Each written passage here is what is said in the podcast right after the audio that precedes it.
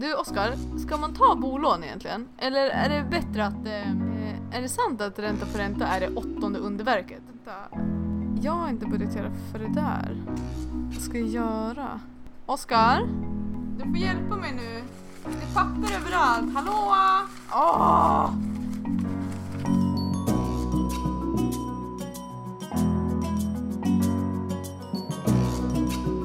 Hej och välkommen till den här episoden av Fri helt enkelt. Vi kör en liten sommarspecial för er skull nu i sommar.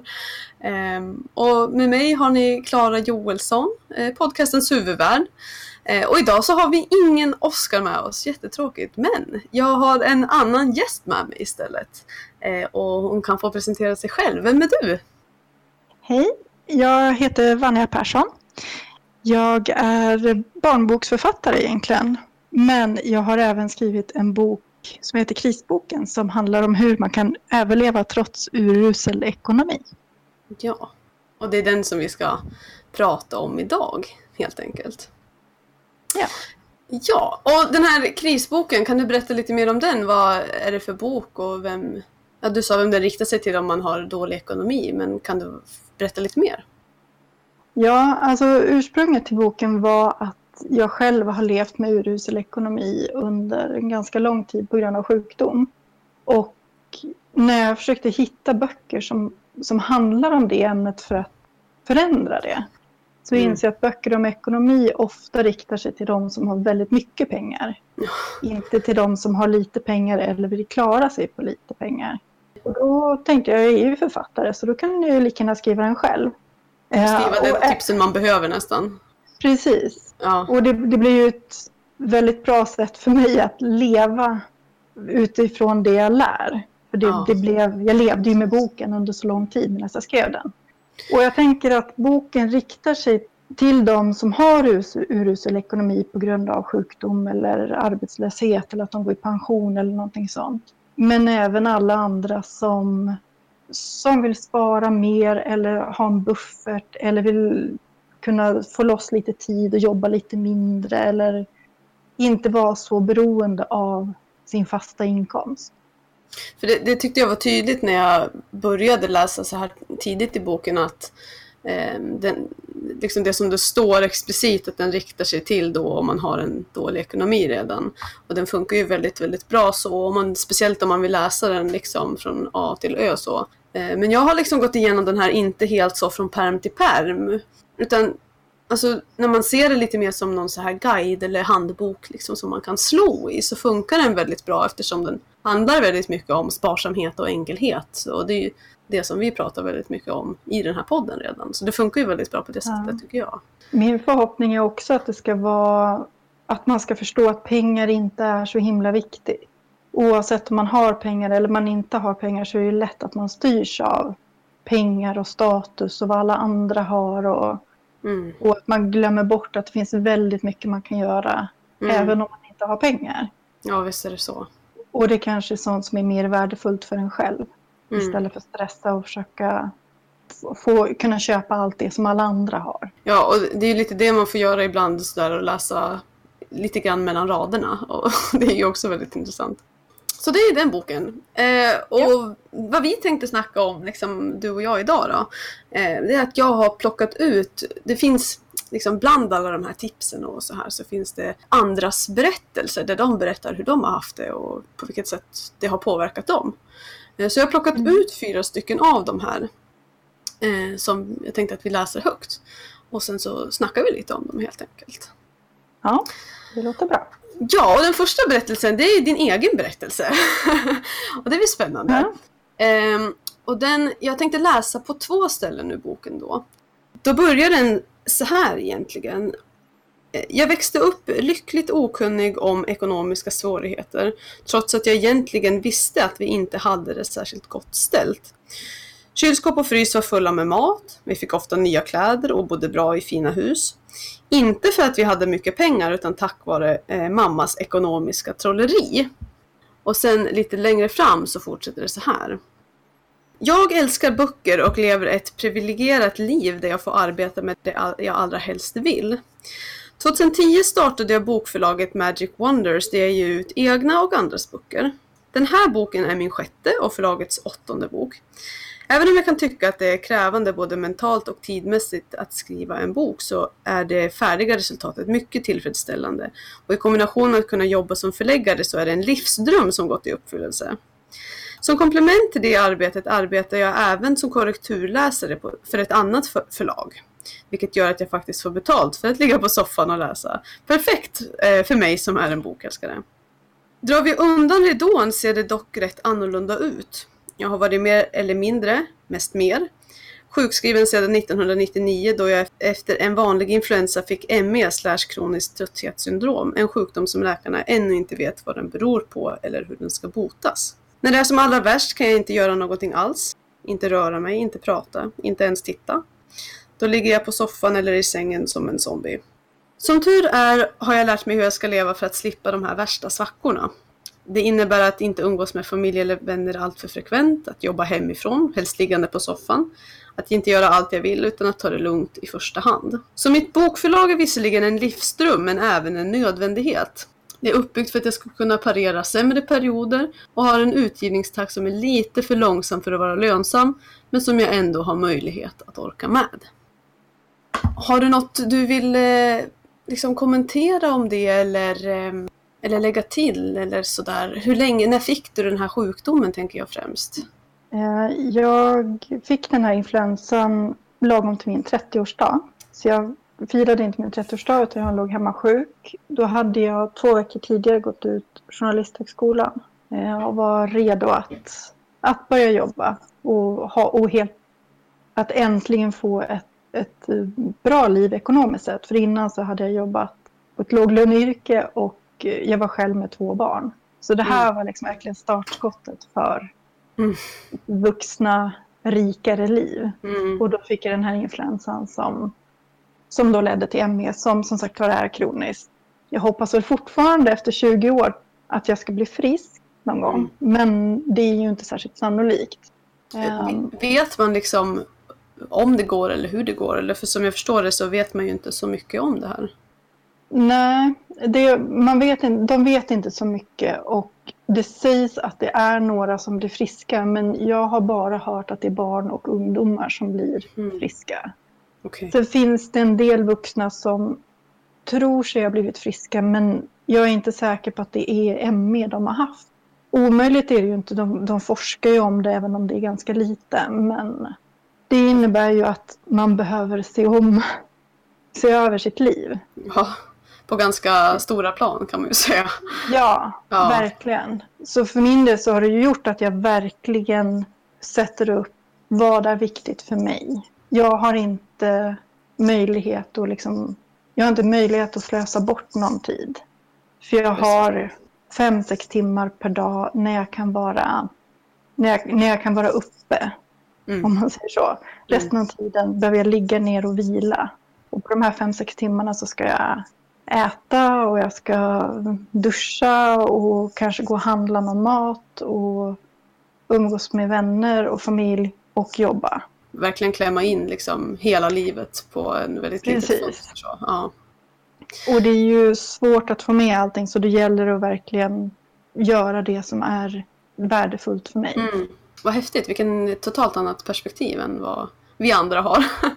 ja, och, och alltså det, även om jag ju verkligen inte önskar någon den här sjukdomen och att jag verkligen önskar att jag vore frisk så mm.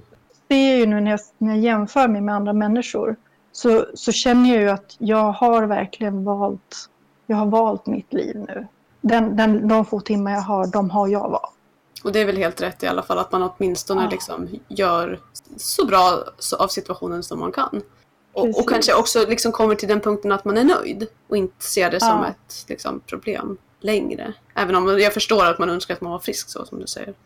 Precis, men, men jag tycker att jag har en hög livskvalitet mm. trots att jag är sjuk. Och det är jag glad för. Så ja. har det ju inte alltid varit. Nej. Och det är lite grann den här processen med krisboken och ekonomin som har gjort att jag har ändrat inställning. För innan jag skrev den så, så, så ville jag väldigt gärna att allting skulle förändras och försökte förändra och bli mm. frisk och testa massa olika saker. Och Och det handlar ju också lite om det som du också skriver väldigt tidigt i boken eh, innan man ska sätta igång med de här. Om man kanske precis har hamnat i en situation så precis innan man ska sätta igång med att säga ja, men nu måste jag leva sparsamt så ska man sörja det man inte kan få. Det tyckte jag var väldigt bra och jag tycker också att det är någonting som vi kanske alla borde göra. Att så vi, kanske vi som inte är sjuka och som har ett jobb eller som lever det här vanliga livet om man vill kalla det så, även om man har det bättre eller sämre, lite oavsett, så kanske man ska liksom komma ihåg att ja, men jag kan inte ha tre bilar som min granne har och jag kan inte ha den nyaste gräsklipparen eller vad det nu liksom passar i, man passar i sitt liv att liksom vara nöjd med den situationen man är i. Eller försätta sig i en annan om man kan, om det nu är så. Alltså man får välja det ena eller det andra där. Det, det, känner jag med, för det är en sak som jag återkommer till både i boken och mycket när jag föreläser. För jag föreläser ju om det här runt om i landet när jag får möjlighet. Att det är väldigt viktigt att utgå från sina prioriteringar. För man tycker ju inte att allt är lika viktigt. Nej. Och du och jag tycker troligtvis inte att samma saker är viktiga. Och min sambo och jag kanske inte tycker att samma saker är viktiga. Alltså det, man alla har ju något som är viktigt just för mig. Och att då lägga pengarna på det, oavsett om man har mycket eller lite pengar. Och sen spara på de oviktiga sakerna. För som sagt, om man, om man börjar blanda ihop att man tror att det som är viktigt för grannen eller syskonet eller arbetskollegan och tror att det är viktigt för mig också, då räcker ju inte pengarna till det som faktiskt är viktigt. Men när du då är ute och föreläser, så här, vad får du för typ av liksom, reaktion på antingen din situation eller din bok när du berättar om det här? Ja, mycket, mycket empati får jag ju för min mm. berättelse. Men samtidigt så märker jag att det är väldigt skam och skuldbelagt. Inte så mycket att vara sjuk. Alltså att vara sjuk är ju inte så bra. Men att ha dålig ekonomi. Ja, ja. Då är, mm. det förknippar folk med att man är en dålig människa många som verkar tro att de som har dålig ekonomi, att alla lever som i Lyxfällan. Och det är ju klart, det finns ju de som gör det. Men, mm. men de kommer väldigt inte på del. Precis, och de kommer inte på den här typen av föreläsningar heller. Nej. Utan det är ju framförallt människor som utan egen förskyllan har fått dålig ekonomi. Av Så olika för... anledningar liksom? Precis. Det kan vara att de har om de har gått i konkurs så kanske de har haft något med saken att göra. Men, ja, jo, jo. inte alltid. Ofta så är det ju att det bara det har inte gått och de har försökt. Eller att de har blivit sjuka eller så att de har gått i pension. Eller blivit arbetslösa. Alltså det finns massa sådana situationer som eh, och, och, som det är nu när, det är så, när skyddsnäten inte är lika starka så är det fler och fler som ramlar ner i, i hålen. Men, men det, de, många skäms själva och det märks också att de, de som har det bra helst inte vill höra om, om ekonomiska problem. Jag vet inte om folk är rädda att det smittar eller... det är alltså något... Ja. ja, för man pratar ju väldigt sällan överhuvudtaget om sin egen eller andras ekonomi med andra människor, oavsett vänner eller främlingar, så är det ju inte något ämne vi gärna rör vid, oavsett hur bra eller dåligt man har det heller, tänker jag.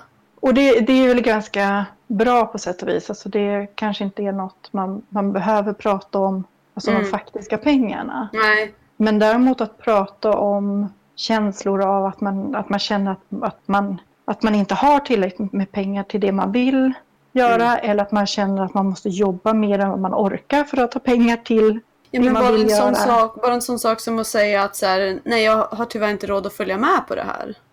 är ju väldigt liksom det, det, ja. Man vågar inte säga det och när man hör det så vet man inte hur man ska reagera alls. Liksom. Nej, och det där är en sån där grej som jag önskar. För det här är en sak som jag fortfarande har problem med. Kan jag mm. tycka. För jag tycker ju inte att det är särskilt trevligt att säga just att jag har nej. inte råd med det här. Nej. Och ofta är reaktionen att folk då tycker att nej men jag kan bjuda så kan du betala tillbaka någon annan gång.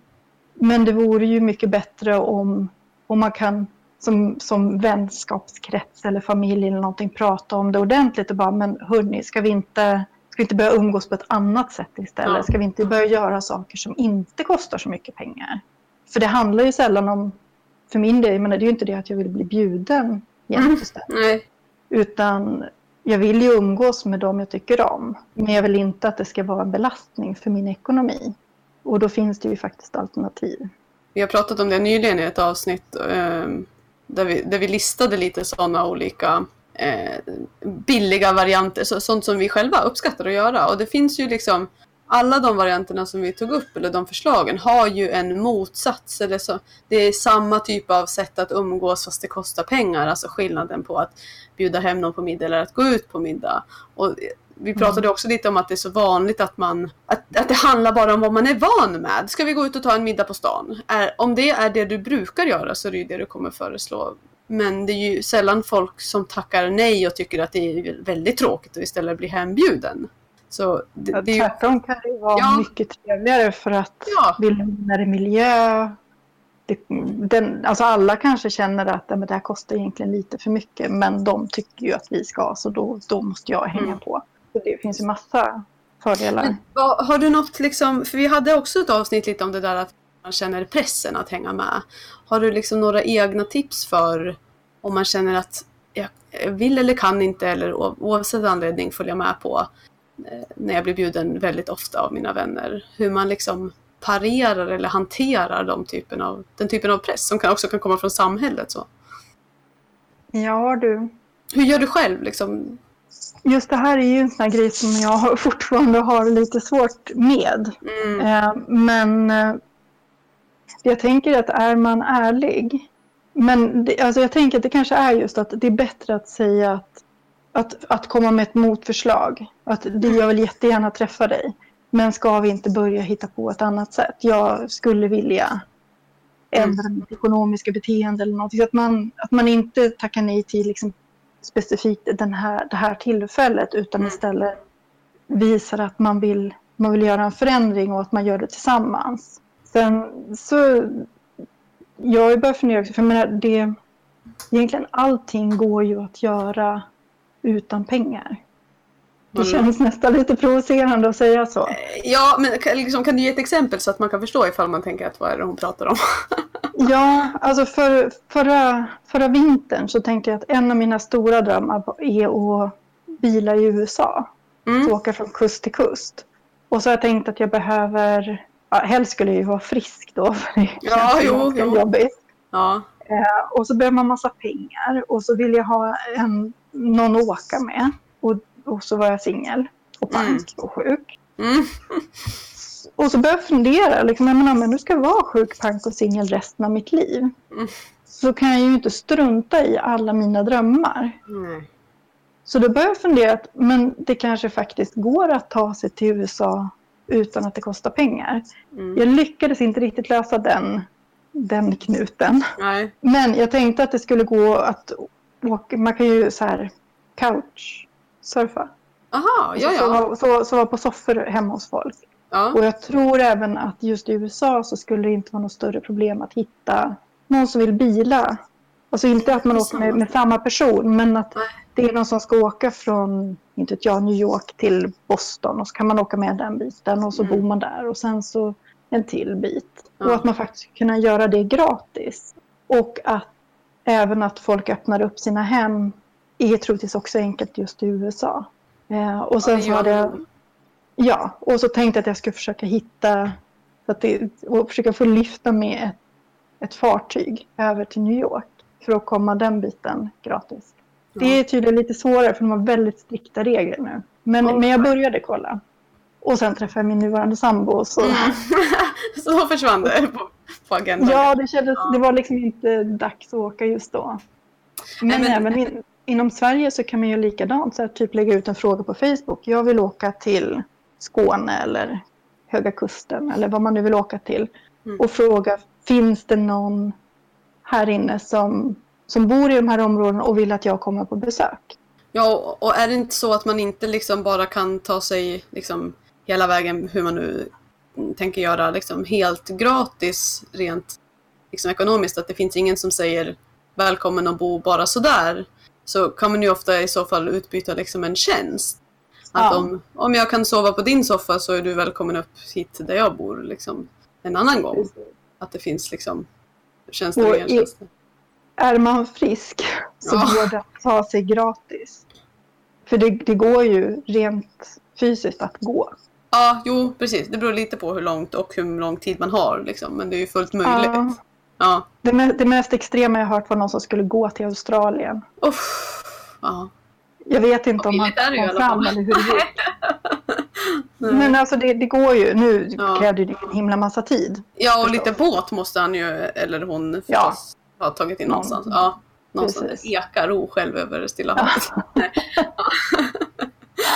Ja, kanske inte. Nej. Men, men det jag menar är att man kan vara väldigt kreativ både när det gäller Mm. umgänge med andra och andra den här, av den här typen av, av resor. Alltså har man en dröm som man verkligen vill uppfylla Mm. så kan man ju tänka om lite grann och se hur kan jag, hur kan jag göra då? Mm. Ja, det är också intressant för det är någonting som eh, vi pratar om en del själva. Att eh, det handlar väldigt mycket om att eh, inte se ett köp. Eller i det här fallet så är det ju inte en produkt då. Eh, men liksom att se konsumtion eller ett köp som att det inte är den första lösningen på ett problem. Eh, utan om, om man ser det hela tiden som att jag ska åka dit och det kostar för mycket att flyga. Ja, men vad, vad finns det för andra alternativ liksom hela tiden? Att, och när det handlar om produkter så är det ofta att, att laga någonting istället för att köpa någonting nytt eller i, i den varianten. Men det är lite samma, man kan applicera samma tänk här. Att du behöver, kanske inte bara ska titta på den första lösningen som är dyrast och enklast. Nej. Du kan ju titta på den, men om du inte har råd med den eller inte av någon Och- och anledning det- inte kan... När det gäller prylar så finns det ju så otroligt mycket gratisprylar nu. Ja. Folk slänger helt okej grejer. Alltså, och de är inte ens okej, det- de kan slänga helt nya grejer. Ja, ja ba- Så barnkläder mycket- pratar vi också mycket om. Så här att man kan köpa helt nya för 20 kronor på en loppis. Ja. Liksom. Som inte ens alltså, Ja, som men- har slappen kvar. Ja, alltså det går att, det går att hitta i stort sett allt. Soffor, väldigt lätt att få Ja. väldigt, väldigt billigt eller gratis. För att folk vill bara bli av med dem. Ja. Snälla, Ja. hämta! Bara du hämtar Ja. den så. Ja. Precis. Och det, det, alltså det är inga problem att möblera ett helt hem med Nej. saker som, som man hittar gratis och som är bra grejer. Så det är ännu lättare Mm. än, än resor och sånt. ja, visst är det så. Verkligen. För det är ju också någonting som... Alltså, en, en resa kan man ju inte... Alltså den har man ju inte kvar i fysisk kvar när man har gjort den. Men produkter är ju tyvärr många väldigt bra på att införskaffa sig alldeles för många av. Då Ja. måste man ju göra sig av med dem till slut. Men tänk hur mycket folk skulle spara om de behöll sina soffor lite längre. Eller Mm. matbord eller ja, vad det nu är som, Mm. som de prompt måste ha nytt. Det är väldigt intressant just möbler när jag titt, om jag skulle tänka liksom mitt eget vardagsrum så har vi, har vi relativt nyligen, eller ja, det är väl nästan ett år sedan nu kanske, köpt ett vardagsrumsbord. Innan det hade vi ett vardagsrumsbord vi hade fått. Men så den har vi köpt. Sen har vi fått en soffa som, eller vi skulle få den gratis och det är en sån fruktansvärt stor soffa och det var från min sambos vän. Så den sa han att nej men ni får en 500 lapp för alltså jag känner inte att det är okej ens att ta emot den här bara så. Um, och sen har vi fått tvn, vi har fått bordet som tvn står på, vi har fått bokhyllan som vi har, vi har fått två stycken liknande liksom, möbler, vi har fått en fåtölj som står... Alltså, och jag, det är ju ingenting jag tänker på ens en gång. Alltså det, och, och hur många, hur mycket pengar det är, mattan har vi för övrigt också fått. Hur mycket pengar det är i det där rummet som hade kostat mig om jag liksom hade valt att köpa någonting nytt. Och jag tänker också många som köper någonting nytt, som köper något nytt som är väldigt liksom, billigt för att det är det de har råd med. Eller om man är student och behöver något eh, liksom, soffbord. Och så är det det billigaste liksom, skitprodukten liksom, som bara är papp så här på Ikea istället för att få en möbel Mm. som liksom är av god kvalitet. Bara att det är någon annan som har råkat använda den i två år först. Det är liksom det, det är en märklig prioritering egentligen. Ja, för det är ju där, om man, om man ändå ska lägga pengarna, att Mm. lägga det på någonting begagnat av bättre kvalitet. Mm. Istället för som sagt att köpa något, liksom bara första bästa. Ja, för det, jag står, nu när du säger, jag står och tittar runt Ja. i vår lägenhet och det är en, vi har en dubbelsäng Mm. som är två 90-sängar. Den ena 90-sängen köptes ny, men inte av mig. Nej. Och den andra har vi köpt begagnad. Mm. Och min, det är min vardagsrumssoffa och den är också ehm, den är också köpt ny men för 14 år sedan. Ja. Så den har ju hängt med år ett tag. Och sen är det nog, alltså alla andra möbler är, är sådana som vi har fått eller, eller köpt begagnat nu. Mm. Ja, Och det känns bra. Ja, och ofta så, liksom, så ligger det liksom ett värde på ett annat sätt i de sakerna. Så de kan också ibland, när man till slut, om man väl gör som både du och jag uppenbarligen gör då, så kan det till slut liksom bli svårare att göra sig av med de grejerna. För att de har liksom en annan betydelse än att det bara är ett, ett material i ett rum. Liksom. När det kommer till mina kläder så hade jag, när jag gjorde en stor rensning för ett tag sedan, bestämde mig för att jag skulle ha väldigt lite kläder kvar överhuvudtaget och inte köpa Mm. nya alls i stort sett. Så har jag liksom sparat jättemånga som inte liksom kanske var de snyggaste alla gånger utan de hade varit med mig längst eller typ så här att jag har fått den här av min syster eller alltså att det finns Ja. någon annan tanke med den som betyder någonting för en. Det är inte bara lite tyg liksom. Jag tänker också att det, för mig så känns det bra, alltså att oftast saker jag sparar pengar på är också bra för miljön.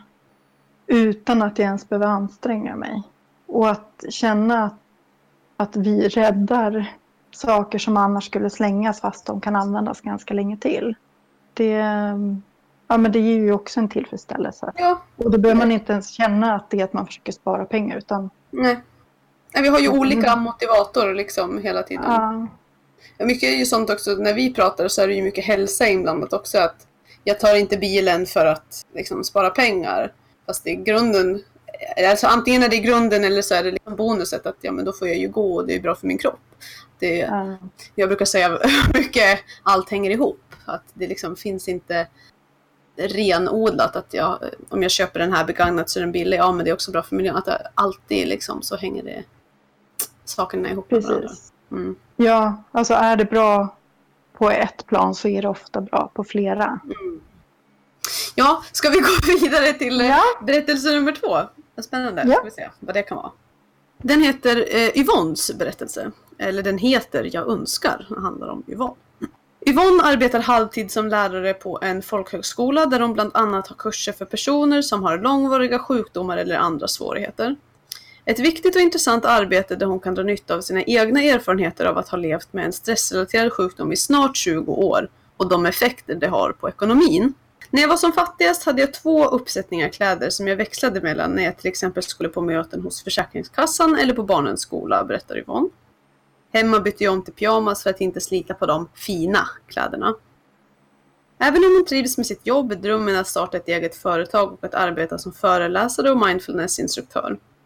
En dröm som hon inte vågar ge sig på eftersom hon som så många andra långtidssjukskrivna har en hel del negativa erfarenheter av Försäkringskassan och Arbetsförmedlingen. Jag är rädd för reglerna, säger Yvonne. Jag önskar att jag kunde få en klok mentor som förstår situationen, att vara kreativ och ändå sitta fast i regelverket. Hon tror att situationen skulle kunna förbättras för många om myndigheter och arbetsgivare var lite mer flexibla, exempelvis genom att tillåta frihet under ansvar och ha målstyrning istället för tidsstyrning. Vi behöver modernisera hur vi ser på arbetskraften, människorna, säger hon. Ha mer kärlek i arbetslivet. Yvonne menar att alla människor har mycket att bidra med och att om man bemöter sina anställda med kärlek, respekt och ödmjukhet får man ut mer av människan och människan får ut mer av sin anställning. För egen del önskar Yvonne att hon till slut ska få näsan över det, den ekonomiska vattenytan, men än så länge är det en bit kvar dit. Innan vi avslutar frågar jag vad Yvonne skulle göra om hon fick oväntade pengar. Först skulle jag lyxa till det och köpa lite nya kläder, säger Yvonne. Sen skulle jag vilja ha en stabil buffert så att jag inte behöver vara rädd att inte kunna betala hyran. Även hennes mest vilda önskningar är rätt blygsamma. Att kunna betala sina studielån och övriga skulder och gärna ha pengar över till en resa till värmen. Nog så rimliga önskningar för de flesta. Om det är någon nu som lyssnar som eh, själv har en stressrelaterad sjukdom eller en liksom, sjukdom som gör att man inte riktigt kan jobba och känner sig liksom lite fast. Hur skulle du säga att din bok, att krisboken, liksom kan hjälpa till här? Alltså jag tror att krisboken kan hjälpa till att lätta lite på stressen när det gäller ekonomin åtminstone. Mm. Alltså situationen i sig är ju stressfull i sig. Men att känna lite lättnad när, det gäller ekonomin Mm. tror jag är, är viktigt. Och i och med, precis som Yvonne skriver, att det är många långtidssjukskrivna som har haft en hel del problem med framförallt Försäkringskassan men även Arbetsförmedlingen. Så man vet att även om man har pengar den här månaden så vet man aldrig hur länge man har det. För de kan lika gärna bara bestämma sig för att nej, nu får du ingenting. Nu ska du vara då, frisk eller vad det kan vara. Ja, precis. Så att vi, vi, eller vi förstår att du är sjuk. Mm. Men det, även om man har en sjukdom så behöver inte det betyda att man inte har en arbetsförmåga. Mm. Alltså så de, de, de har väldigt konstiga argument hela tiden. Mm. Eh, och då, jag, jag, är inte säker på att folk som är friska förstår att om Försäkringskassan säger nej, då är det ju ingen annan försäkring som går in heller. För det finns ju en hel del som har bra sjukförsäkringar. Ja. Men då krävs det att Försäkringskassan först godkänner sjukskrivningen. Mm. Och det innebär att gör de inte det, då står man helt utan. Ja, då spelar det ingen roll vad man har liksom för egna säkerhetsnät heller. Liksom. Nej, utan då är det ju att ha en buffert sedan innan. Och det, ja. det är ju inte alltid man lyckas ordna alla de här sakerna. För jag menar att ha en sjukförsäkring idag är nog ganska vettigt mm. som komplement eftersom den, den offentliga inte täcker upp lönen i särskilt hög grad.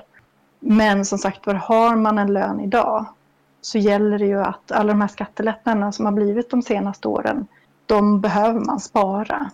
Mm. För de har ju tagits från sjukförsäkringen så då gäller det att, att spara så att man har sin egen lilla sjukförsäkring ja. utifall. Och så får man hoppas att den aldrig behövs. Ja, visst. Ja, så är det ju med mycket sådana buffertsparanden, liksom att man, eller vad det liknande. Att man mm. hoppas, eller försäkringar, att det aldrig ska användas. Men man vet ju verkligen aldrig vad som händer. En dag vaknar man upp med influensa liksom. Då tänker man att det är inte så. Det är inga konstigheter. En vecka så är jag frisk. Men... Och det, är, det är så... så. Nej, precis. Och det är ju samma det här som du pratade om i början. att eh, Jag tänkte att vi ska lyfta det i varje exempel. Vad det är som har gjort att den här personen har hamnat i en dålig ekonomisk situation. Och här är det ju väldigt typiskt eh, exempel som inte är jag har konsumerat upp allting och börjat ta lån, alla Lyxfällan liksom. Utan det är sjukdom Nej. som har liksom påverkat. Och sjuka kan vi verkligen alla bli när som helst. Så ja. på det viset så kan man ju förstå. Man har en Sen, större förståelse för så, tänker jag. Ja. Sen är det ju även så att det, det är ju inte ovanligt. Jag är ju en av dem som, som försökte rädda min ekonomi genom att ta lån.